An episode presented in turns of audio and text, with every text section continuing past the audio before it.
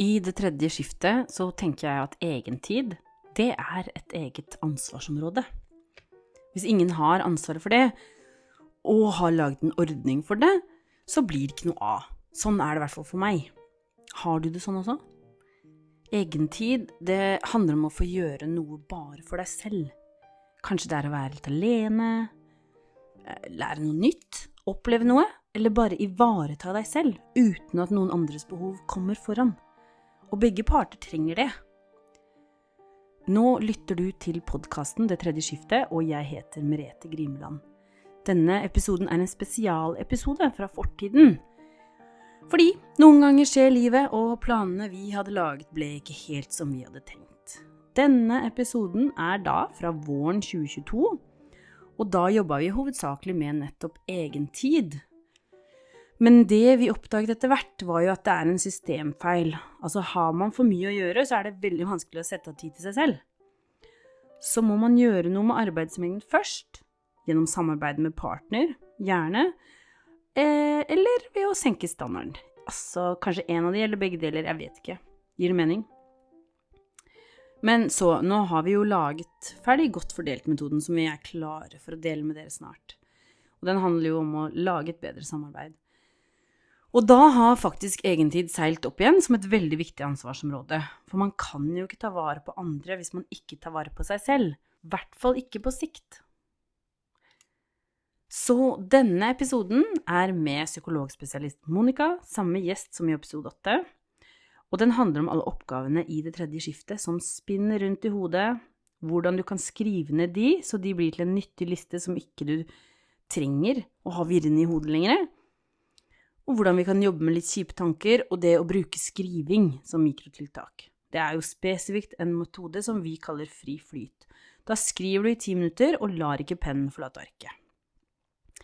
Og dette er jo en aktivitet som du gjør bare for deg, for sinnet ditt, for å få lande i deg selv så ofte du trenger, og kanskje til og med hver dag.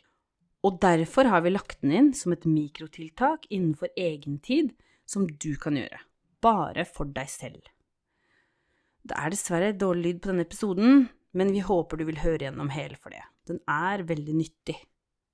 Og så snakker vi om et skrivekurs tilgjengelig for kjøp på nettsiden, men det er bare for deg som hører denne episoden. Og lenka til kurset det er detredjeskiftet.no slash egentid bindestrek mikrotiltak. Da håper jeg at du vil kose deg med episoden. Den er som sagt veldig nyttig.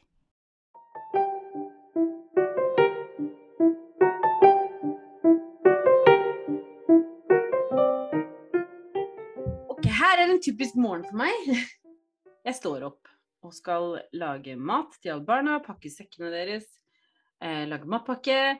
Og så må jeg jo skifte bleie og finne fram tøy til dem. Og så må jeg jo passe på at jeg får kjøpt den her konfirmasjonsgaven til nevøen min. Og så skal jeg jo også kjøpe bussbilletter, for jeg skal på tur snart. Og jeg må booke hotell, for jeg skal faktisk i bryllup også. Og så må jeg jo lage grøt og lage frokost, og så må jeg lage matpakke. og så guri malla, det var møkte på kjøkkengulvet. Jeg tror jeg må støvsuge etterpå. Og så bare fortsetter det, ikke sant. Dere har, har dere hørt den sangen før? jeg har i hvert fall den sangen hver morgen. Men uh, ja, jeg heter Merete Grimland. Jeg er her sammen med Camilla Trytti.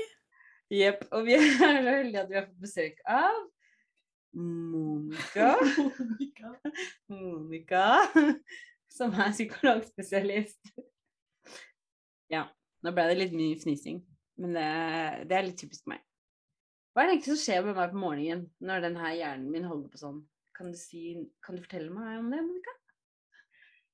Altså det som høres ut som skjer, er at du kommer på alle oppgavene du skal gjøre, og så blir det gående i en sånn sirkel. Hvor kanskje du egentlig har åtte ting du skal gjøre, da, men fordi du tenker gjennom den lista om og om igjen, så høres det ut som det er 350. Fordi du bare begynner på nytt og putter inn noe du allerede har tenkt.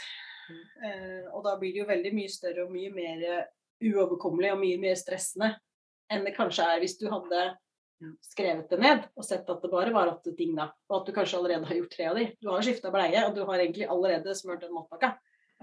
Så da var det bare seks ting. Hmm. Altså det er ikke rart at jeg blir stressa egentlig, da, at morgenene, eller at morgenene er stressende. Nei, ikke hvis det ramler ned en sånn haug med ting du skal få gjort nå med en gang. Og den Mm. haugen er enorm.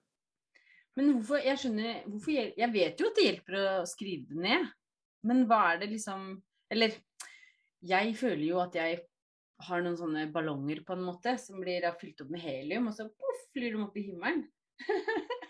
Når du skriver. Ja, når jeg får skrevet ned de oppgavene, da kan jeg liksom slippe de. Er det riktig å bruke heliumballonger i et psykologisk perspektiv?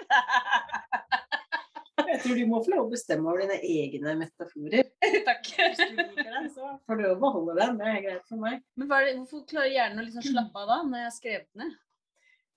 Altså, ofte så er det rett og slett fordi da trenger du ikke å huske på det lenger.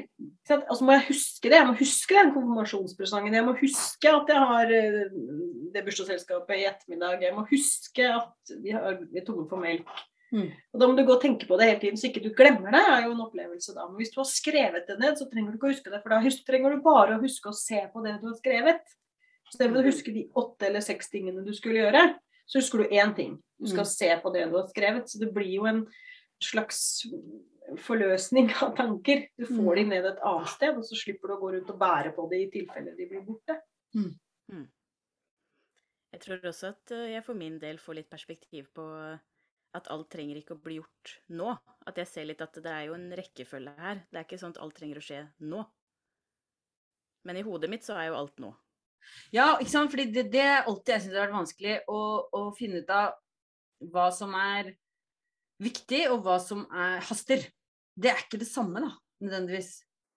Nei. Der er det en veldig god teknikk hvor du kan skrive ned alt. Alt du har som du kjenner at det her bør jeg gjøre eller må jeg gjøre. Alt sammen. Ikke noen grenser. Kjempelang liste. Og så skal du ta med deg til en neste kolonne ting du kan gjøre noe med. For det er ofte på en sånn liste så er det masse ting du ikke kan gjøre noe med. Det bare er stressende, og det skulle vært gjort, men du får det ikke til. Du skulle malt den terrassen, men det er utsolgt for maling akkurat nå, så du får ikke malt den terrassen. Så de tingene som skal være med til neste kolonne, er bare ting det er faktisk mulig å gjøre noe med. Mm. Og så i løpet av, og så skal du se på neste liste, og så skal du plukke ut ting som du bare kan gjøre noe med nå. Mm. I dag. Helst i løpet av de neste timene. Det skal videre over på neste liste. Og så på den lista, nå har du da bare en liste over oppgaver som du faktisk kan gjøre noe med akkurat i dette øyeblikket her. Da er det sånn, hvilke av de oppgavene er nå faktisk viktige nok til at jeg skal bruke tiden på, min på det her og nå. Mm. Og så blir neste liste da den, den ferdige lista, og den er veldig ofte snakk om 1% av første lista. Så det er litt sånn uh, mammahjernen? Eller Mm. er det Er det vanlig for alle å ha det sånn? Det er burdehjernen. Alle har burdehjerner. Ok, burdehjerne, ja. Den er fin. det noen som klarer å bare la den være der, ikke bry seg med den. Og så er det noen som er den eneste sangen de hører hele dagen, det er burdehjernen sin sang. Der er jeg. Ja, jeg òg. Og så Ja, for da er det sikkert de som ikke har Burdehjerne-sangen eh, gående hele dagen på repeat, de har kanskje veldig god evne til å si Kan jeg gjøre noe med det her nå? Nei. Eller gidder jeg? Er det viktig nok? Ja. Orker jeg å bry meg akkurat nå? Nei. Og så får du lov til å bare være der. Uten at det trenger å kreve noe av de at den er der. Hva med de som tar av nisselua? De er jo de som gjør det også, hvor de bare later som ikke de må gjøre det. Ja. Vi bare ikke gir tilgang. Burdehjernen få ikke lov å være med. Okay. Stengt. Det var et nytt uh, uttrykk for meg å ta av nisselua. Hva er det for noe? Nei, nisselua er jo litt sånn Hvis du ser at det er noe som må gjøres foran deg, men du bare orker ikke å ta tak i noe, så bare drar du ned lua, så ser du det ikke. Jeg vet ikke hvorfor det heter nisselue, egentlig, men det er sånn familiebegrep, egentlig. Men det er det jeg ser for meg, da. At uh, det her orker jeg faktisk ikke gjøre noe med akkurat nå. Og det står der, og det brenner, men jeg orker ikke. Lua ned foran øynene. Fins ikke, det er ikke noe problem. Det, eller jeg vet at det er et problem, jeg kjenner det jo innerst inne, men jeg bare orker ikke å ta tak i det akkurat nå. Det høres ut som en sunn lue å ha på seg iblant. Ja, og så er det noen ganger da det ikke er så veldig sunt òg, fordi da tar du jo ikke tak i ting som du faktisk må gjøre noe med nå. Ja, men også, eh, også noen ganger ha muligheten til å få lov til å trekke den ned og si at eh, nå er det meg selv og min utslitthet som skal komme først. Ja, jeg tror kanskje for meg så er nisselua et litt sånn negativt begrep. Men jeg er jo enig med deg at hvis jeg på morgenen skal stå der og lage frokost til ungene mine, som er noe jeg må gjøre nå, det er det de trenger, så er ikke det eh, neste på lista mi som er viktig å tenke på, at jeg må vaske gulvet eller støvsuge. Da kan jeg ta den nisselua. Det kan jeg være med på. Så kan jeg si nei, vet du hva, jeg ser deg, men nå tar jeg ned lua, jeg vil ikke se på deg mer. Ja. Men er kanskje, jeg, jeg kanskje litt hengt meg litt opp i det å gjøre det når det gjelder vanskelige ting. Da. Sånn at jeg liksom, hvis jeg går og øh, tenker mye på at øh, jeg og Tom Karen øh, Jeg føler at vi har noe uløst, da. Så istedenfor å ta tak i det, så bare tar jeg ned nisselua og bare slutt Later som ikke det er der og snakker ikke med han om det. Så da tenker jeg Da har ikke jeg brukt nisselua på en god måte. For jeg syns det Men altså, jeg vet jo ikke hva Jeg bare føler at det er veldig viktig å ta tak i konflikter og løse dem, men jeg er kanskje ikke alltid så god på timingen, da. Det må jeg liksom, Det må jeg eie. Men OK, nå har jeg prata mye. Nå, la oss ta denne skrivingen litt videre, for selvfølgelig er jo vi opptatt av det, siden vi driver med denne timinuttersskrivingen hver dag. Eh, vi ja, Eller Camilla, du, du, må jo snakke for deg sjøl, da. Men jeg har, jo, har jo brukt det mer eller, eller det mye siste halvåret. Noe tidligere. Ikke noe i det hele tatt da jeg var barn, for da var jeg så redd for at noen skulle lese det. Så jeg ville ikke avsløre hva jeg tenkte og følte. Men har kommet meg forbi det, da. Så jeg har brukt mye nå under pandemien, for da har jeg vært veldig overvelda. Liksom, glasset har vært fullt, liksom. Jeg har ikke hatt noe um, jeg har ikke klart å få ut de tingene, da, for å si det sånn. Jeg har ikke klart å tømme hodet eller ta ned nisselua eller noen ting. Alle de mekanismene har ikke fungert, for jeg har vært så sliten. Så da har jeg begynt å skrive. Få det ut på arket. Og så er det veldig ofte at det egentlig har hjulpet det òg. At jeg bare skrev det, og så ble jeg ikke sittende i det. Jeg bare OK, nå Det var litt som å lage en to do-liste, da. Ja.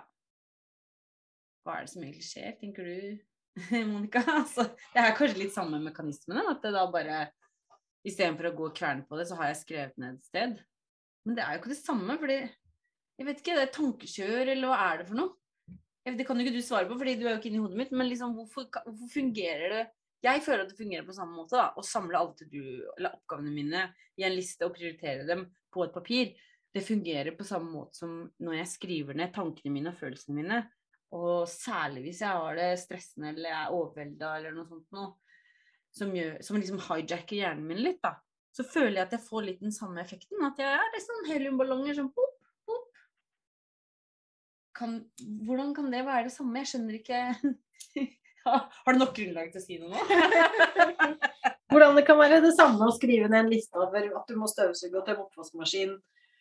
Eh, at det kan ha samme effekt som å skrive ned hvor stressa du er, eller hvor vanskelige ting er. Ja, eller bekymringer, da. Hvis jeg bekymrer meg det, det, Jeg tror jeg tør å påstå at det er ganske vanlig at uh, mødre bekymrer seg for fremtiden til barna sine. og så er det veldig mye av det som er sånn sannsynligvis ikke kommer til å skje i det hele tatt.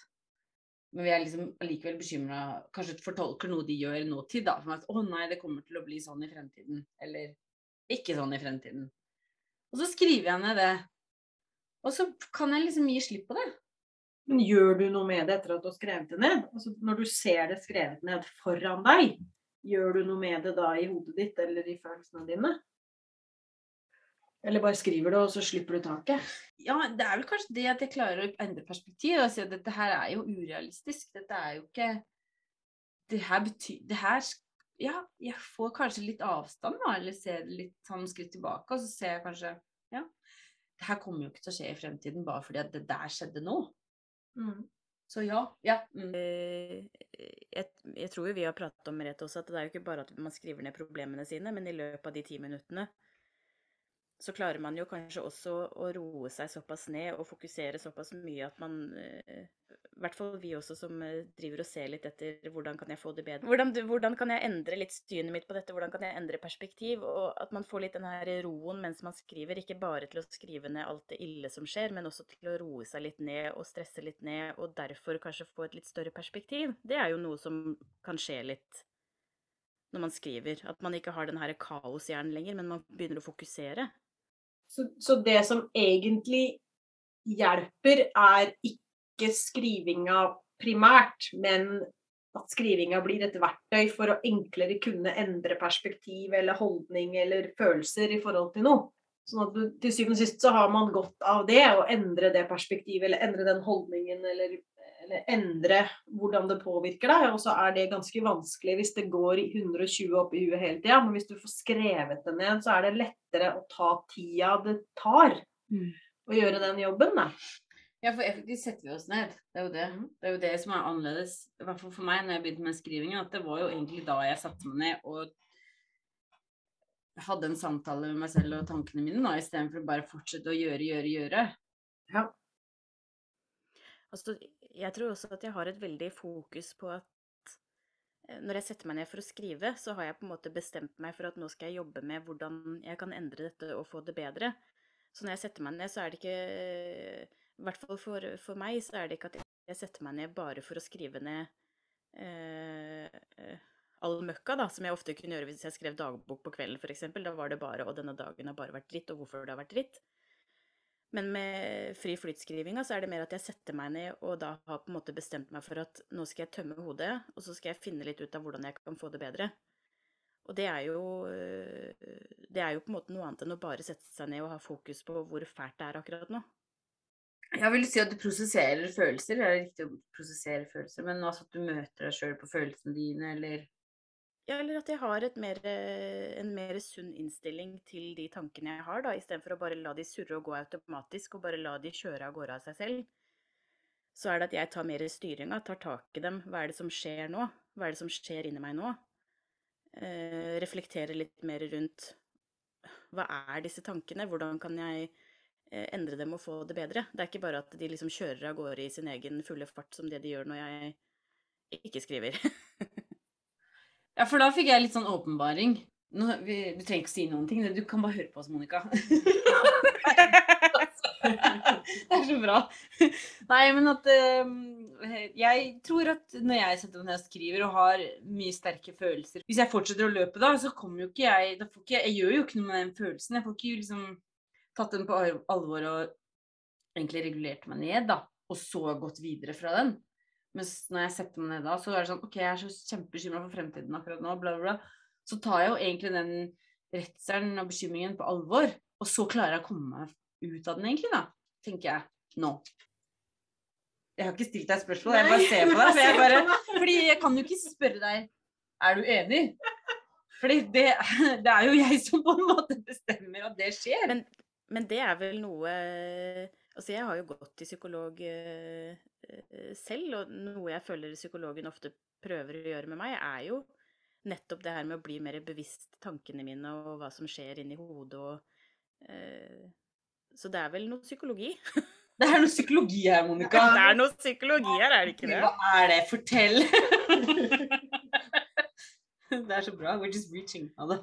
Nei, men altså, ikke sant, der, da blir det jo Det dere sier nå, er at den skrivinga, i tillegg til å kunne gjøre det lettere å få oversikt over tankene sine, og dermed gjøre det lettere å endre perspektiv eller holdning, så gjør den skrivinga det også lettere å gi seg sjøl tid til å lande i seg sjøl. At når man har sagt at nå skal jeg ha ti minutter, nå skal jeg sette meg ned, og så skal jeg kjenne etter, og så skal jeg tenke etter, gir en tilgang som man ellers ikke får da, i løpet av en veldig travel dag.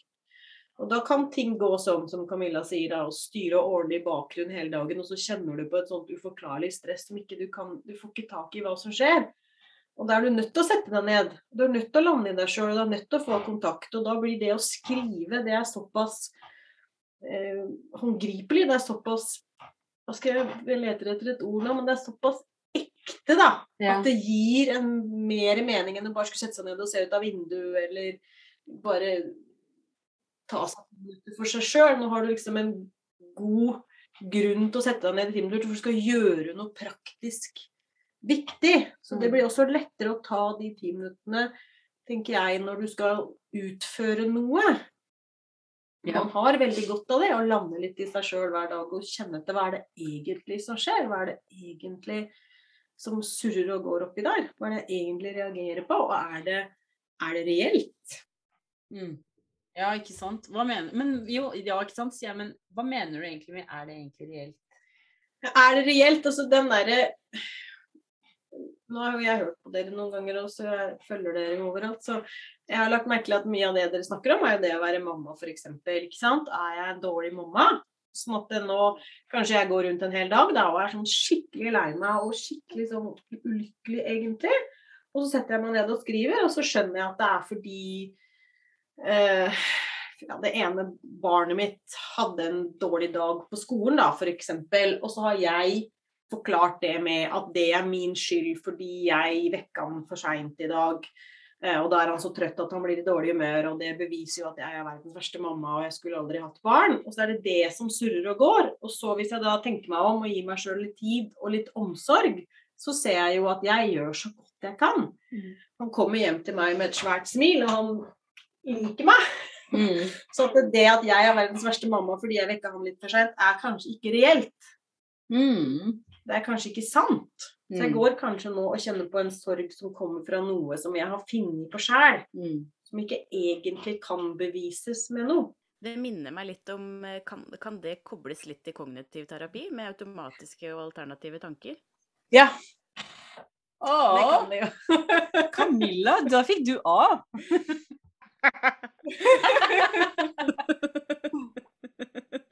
Science.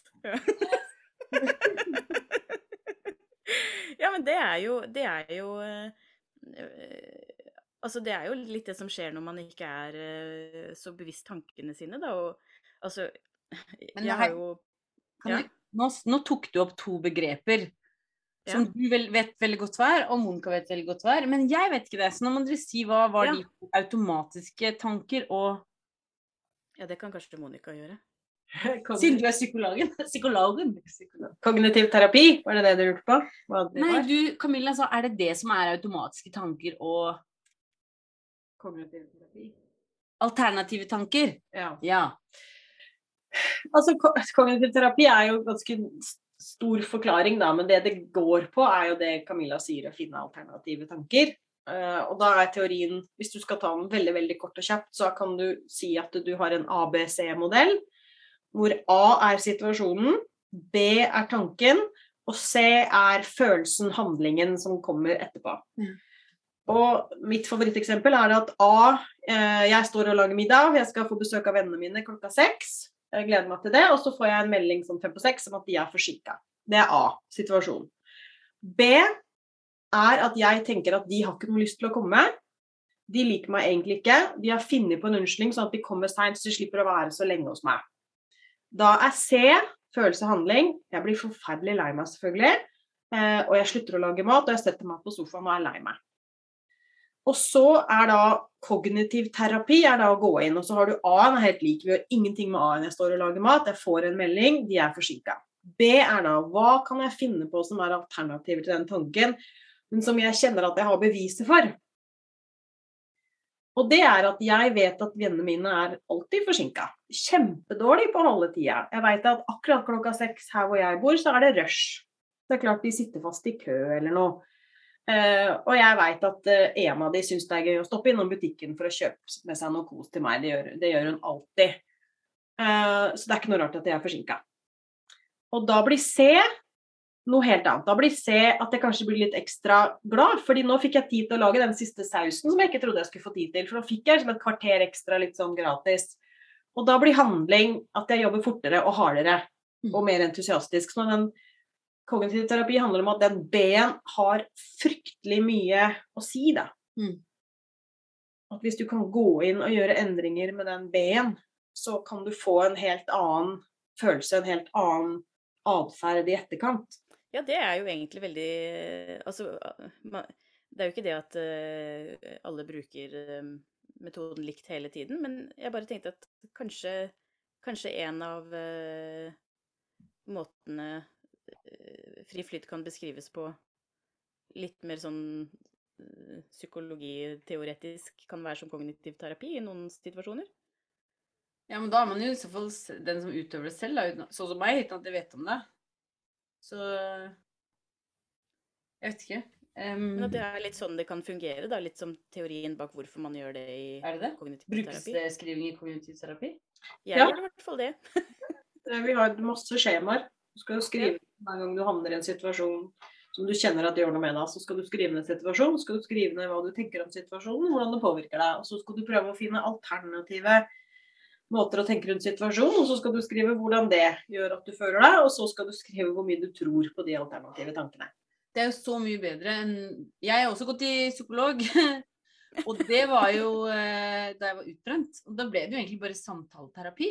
Det hjalp meg jo egentlig ikke noe. Jeg begynte å tenke er, Jeg begynte å tenke sånn Hva skal jeg snakke om neste gang? Eh, jeg likte kjempegodt å være hos henne. Det er jo det. Jeg ville, ba, jeg ville være hos henne. Jeg ville ikke slutte. Jeg var hos henne i to år. Men jeg hadde jo ikke noe jeg, jeg, Hver gang jeg kom dit, så klaga jeg jo egentlig bare over ting som jeg jeg kunne ha endra perspektiv på, da, egentlig, tenker jeg nå. Mm. Ja, så det Det var en liten digresjon. Samtaleterapi, samtaleterapi kognitiv mm. terapi. For det er ikke nødvendigvis det samme, selv om selvfølgelig man samtaler jo når man driver med kognitiv terapi òg, men det er bare at der noen Der er det noen verktøy som jeg faktisk kan ta med meg hjem og bruke i hverdagen min. Det er det jeg har savna hele tiden. Noe liksom Noe jeg kan uh, noe jeg klarer å gjøre innenfor det tidsrom, innenfor det, det, det, den tiden og det rommet jeg har. Uh, men en annen ting som jeg merker veldig godt at jeg får til når jeg har skrevet,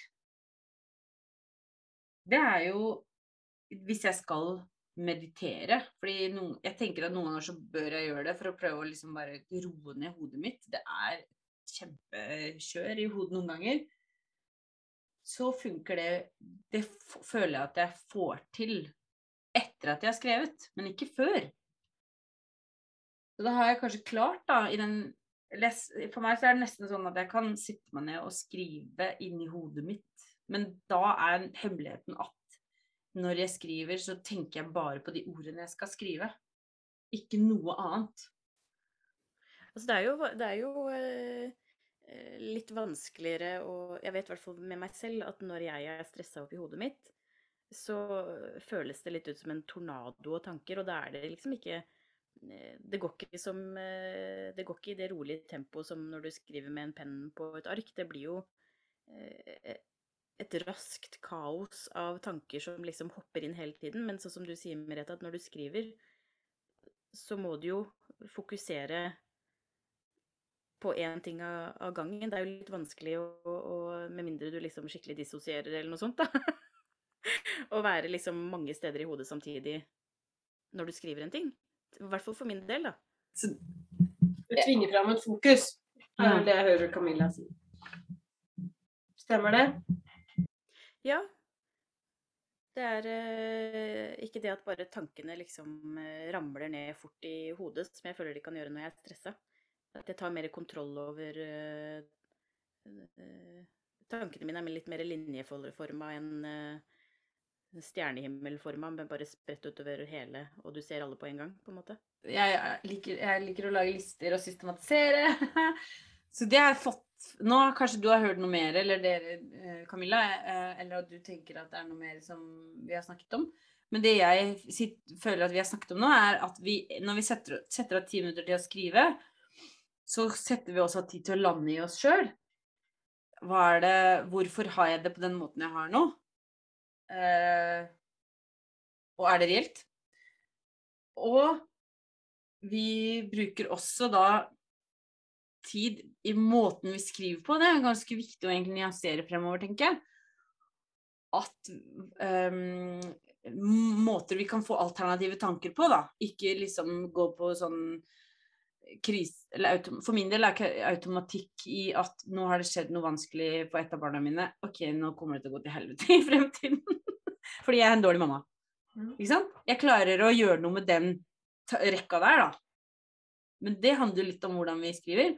Og så er det dette med å tvinge fram fokus. At vi får liksom kanskje, Jeg føler at det blir sånn mindfulness eh, eh, boks, da. Men det er ikke sikkert det er riktig begrep. Men for meg så blir det det at da liksom får jeg den der eh, ikke lukke igjen døra, fordi da har jeg jo bare undertrykt tankene. Jeg mener ikke det. Jeg får møtt meg sjøl på tanker og følelser, og derfor så får jeg OK. Hmm. Jeg klarer ikke forklare det på noen annen måte enn De tre tingene har jeg kommet fram til. Ja. Ja, er dere med meg, eller er det bare Ja, kjempebra, Merete, så flink du er. Jo, kjempebra, Merete. Du er veldig flink. Ja, men det er det. å Lande i seg sjøl Ha tid til å Mm. lande i seg sjøl, for det er vi ikke så gode på. Mm. Og så se hva som skjer oppi der, og så se om det er reelt. Er det en annen måte å se på det på? Eh, er det en annen holdning, et annet perspektiv du kan ha istedenfor, som ikke gjør like vondt, ikke er like stressende, som du kan være med på? Mm. trenger ikke å tro 100% på den, trenger ikke være fullstendig overbevist, men jeg kan være med på den. Mm. Det er greit. Det er det det, det koker ned til, høres det ut som. Det er det de jobber med. Mm. Og så var Camilla var innom det der som heter automatiske negative tanker. Og det blir litt sånn, for det, det er jo tanker som du har hatt så mange ganger at de er blitt automatiske, så du får ikke beskjed om hva de er. Mm. Jeg har sånne eksempler som jeg bruker absolutt hele tiden på alt. sånn at det, Mitt favoritteksempel der er hvis jeg har eh, Vi skal ha pizza til middag, jeg gleder meg veldig til pizza. Eh, og så får vi pizzaen, og så blir jeg lei meg. Og så skjønner jeg ikke hvorfor. Det er ikke noen grunn til det. Jeg har gledet meg til den pizzaen i hele dag. Her er pizzaen min. Hva pokker var det som skjedde nå? Og da er det fordi kanskje jeg har hatt en automatisk negativ tanke om at jeg er tjukk. Og nå spiser jeg noe usunt igjen. Nå kommer jeg til å bli enda tjukkere. Jeg klarer aldri å spise sunt. Det her kommer aldri til å gå. Men de tankene har jeg da tenkt fire millioner ganger hver dag i hele mitt liv. Sånn at de har blitt automatiske. De gir ikke beskjed lenger om at de kommer. De bare popper opp av seg sjøl uten at jeg må finne de fram. De fyker gjennom i rekordfart, og så legger de bare igjen den følelsen og atferden, altså den C-en jeg snakka om i stad. Mm. Så da får du bare en A og en C, og så skjønner du ikke hva B-en din er, og du skjønner ikke hvorfor C-en din er sånn som den er. Og skriving kan jo også da kanskje gi noe tanker rundt hva den B-en kan være. Hvis, hvis jeg satte meg ned da og skrev om den pizzaen. Nå skulle jeg ha vært glad. Hva var det som skjedde? Så kan en kanskje komme med noen teorier da, og plutselig så har jeg større innsikt i hvorfor jeg kan bli veldig lei meg i situasjoner hvor jeg burde vært veldig glad. Men hvordan finner jeg de Jeg er enig, det er veldig viktig, men nå, jeg, begynte- jeg bare gikk rett på hvordan. Fordi med, med, Hvordan kan man avdekke de automatiske tankene hvis man ikke er toucher innom det spesifikke temaet, eller du må ha en situasjon å ta utgangspunkt i? Det er det. Ja, ikke sant. Sånn at du Du må ha en situasjon, du må ha en spesifikk opplevelse hvor du fikk en følelse som ikke passa til den opplevelsen. Så du kan sitte og Da er det ofte automatiske negative tanker. Aha. Fordi da får du ikke beskjed om hva B-en din er, du bare havner rett i C. Men hvis, eh, så, så hvis du da har mange sånne situasjoner i løpet av dagen, er det lurt å skrive om de, og så prøve å finne ut av hva du kan gjøre, hvordan du kan endre på B-en? Eller blir du For det er det jeg begynte å tenke da, hvis de sitter og skriver om det he, he, Nei, nei, det blir jo konstruktivt da. Bare, plutselig ble jeg redd for at ok, da kommer jeg ikke ut av den drittfølelsen. Det å liksom føle meg dritt. Men det er vel kanskje det du egentlig gjør, da, hvis du fokuserer på Hvis du klarer å finne den automatiske tanken, og så Da gir det plutselig mening. Ja. Hvis jeg blir lei meg av å få pizza, og jeg ikke skjønner hvorfor, så kan jeg, da kan det bli en ny trist ting. Ikke sant? At, hvem er jeg som ikke, som ikke blir glad? Jeg er utakknemlig, eller jeg er i ferd med å bli deprimert. Eller, altså, da kan det bare lage flere vonde tanker, da, fordi jeg ikke skjønner hva som har skjedd. Ja, jeg har et skikkelig bra eksempel. Jeg klarte um, Jeg har, har um, lagt om kostholdet for å være sunnere, og så kan jeg spise så mye jeg vil.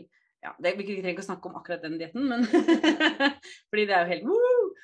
Kan spise så mye jeg vil og gå og legge meg skikkelig, skikkelig, skikkelig mett. Det er ikke et problem, da. Magen er full. Men jeg får dårlig samvittighet når jeg er mett.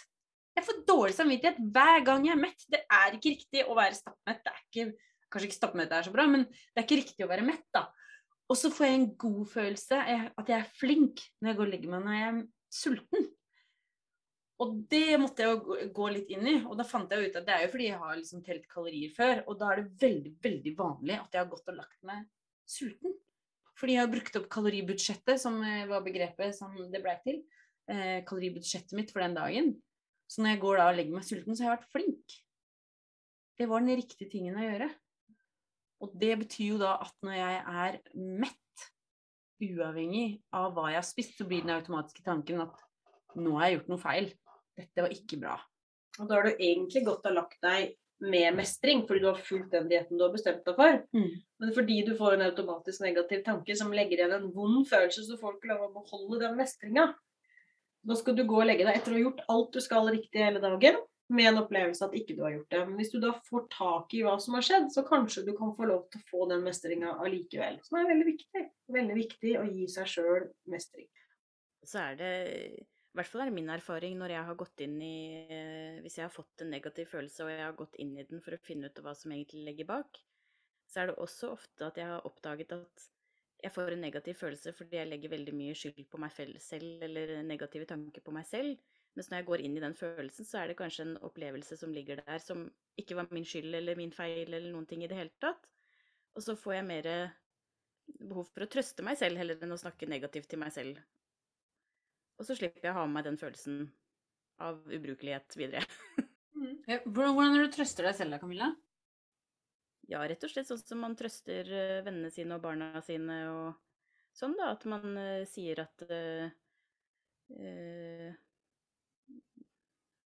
Ja, sånne ting som at det er ikke rart at du er lei deg nå fordi det og det skjedde, eller Ja. Trøste meg selv sånn som jeg trøster de jeg er glad i rundt meg, da. Snakke til meg selv på den måten. Det tror jeg faktisk mange som ikke kan, altså. Jeg tror ikke jeg har lært meg det Jeg har ikke lært meg det ordentlig ennå, men jeg har jo eh, hørt deg snakke om det før. Det er jo egentlig en eh, Altså, det blir et for stort, eh, stort tema. Da kan vi ikke snakke mer om det. Men det er, det er et veldig godt eksempel, for det går det jo an å bruke bevisst. ikke sant? At hvis du hadde en venninne som hadde den følelsen, gjort dietten sin, gjort alt riktig hele dagen, og går og legger seg lei seg, hva ville du sagt til henne for at hun skulle føle seg bedre, for at hun skulle få tak i at hun har gjort alt hele dagen riktig.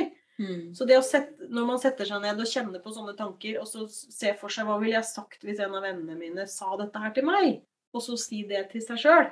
Behandle deg sjøl som om du var en av vennene dine eller mannen din eller barnet ditt. Mm. Fordi vi er ofte mye slemmere mot oss sjøl enn vi ville vært mot noen andre. Så det å, å bytte oss selv ut og sette inn noen andre i den rollen, og så sjekke hva som kommer da, Mm. og så bruke det aktivt som trøst for seg sjøl, det kan være veldig nyttig. Det høres ut som Camilla gjør, da. At hun bruker samme metode som om hvis det var et menneske som fortjente den trøsten på en eller annen måte mer enn Camilla. For vi føler jo ofte at ikke vi fortjener den trøsten. Mens Mm. barnet vårt eller mannen vår eller bestevenninna vår, de fortjener den. Ja, vi fortjener ikke den trøsten, fordi det er alltid noen som har det verre enn oss. Ja, men, men og da liksom aktivt bytte ut deg sjøl med en du er veldig glad i, og sjekke hva ville du sagt, ja. Og så si det Ja. til seg sjøl. Det er veldig nyttig. Før vi avslutter, så har jo vi bedt deg om å se litt på den her eh, tidagers skrivekurset vårt. Hvor du får en, en ny oppgave hver dag som skal hjelpe deg å skrive ti minutter hver dag. Og så er det litt sånn, det går fra liksom Sånn starter du. Og så etter hvert så får, vi, så får du litt nye måter å skrive på, da. Liksom eh, hvordan er det Hva føler du i dag? Eksempel eh, kan du beskrive det i kroppen. Og til sånn det er noe har skjedd eh, som ble veldig vanskelig for deg i dag. Ehm, har du det sånn som meg, at du kan da kjefte veldig på det? Og ville du egentlig gjort det med en venn? Kan du skrive noe i den retningen der, da? Jeg, jeg er jo egentlig litt interessert i eh, om hva du tenker om det tidagerskurset. Tror du at det Tror du noen kunne fått utbytte av å Altså du, Monica. Tror du noen kunne fått utbytte av å eh, følge et sånt tidagerskurs? Ja, det er vel det jeg sa i begynnelsen, da. At det å ha en god nok unnskyldning til å ta de ti minutter for deg sjøl, det er veldig viktig. Og at det at du er på et kurs, og du, du skal gjøre noe praktisk, det blir en god nok unnskyldning ofte, da. Hvis, for at hvis ikke du har en god nok unnskyldning, så gjør du det jo ikke. Men nå har du meldt deg på noe. Du skal gjøre noe praktisk, du skal skrive, du skal ikke bare sitte og se ut i lufta. Det tror jeg er veldig nyttig. Og så er det i tillegg nyttig å få de tankene ned, sånn at du kan se på de utenifra, ikke bare inni hodet som en sånn virvar, en tornado, som du sa, Camilla. Det blir mer oversiktlig, og det blir lettere å ta stilling til perspektiver og holdninger til, til det som foregår oppi der. Og så kanskje du får noen heliumballonger. Det kan hende. Ja. jeg syns det var en kjempefin måte å avslutte det på, jeg. Er du ikke enig, Camilla? Jo, veldig enig. Det var kjempebra. Mm. Så da tror jeg vi sier tusen takk, Monica. Vi, vi ses kanskje igjen. tusen takk for at du ville være med. Bare hyggelig. Ja. Vi ses neste gang. Ha det. Ha det.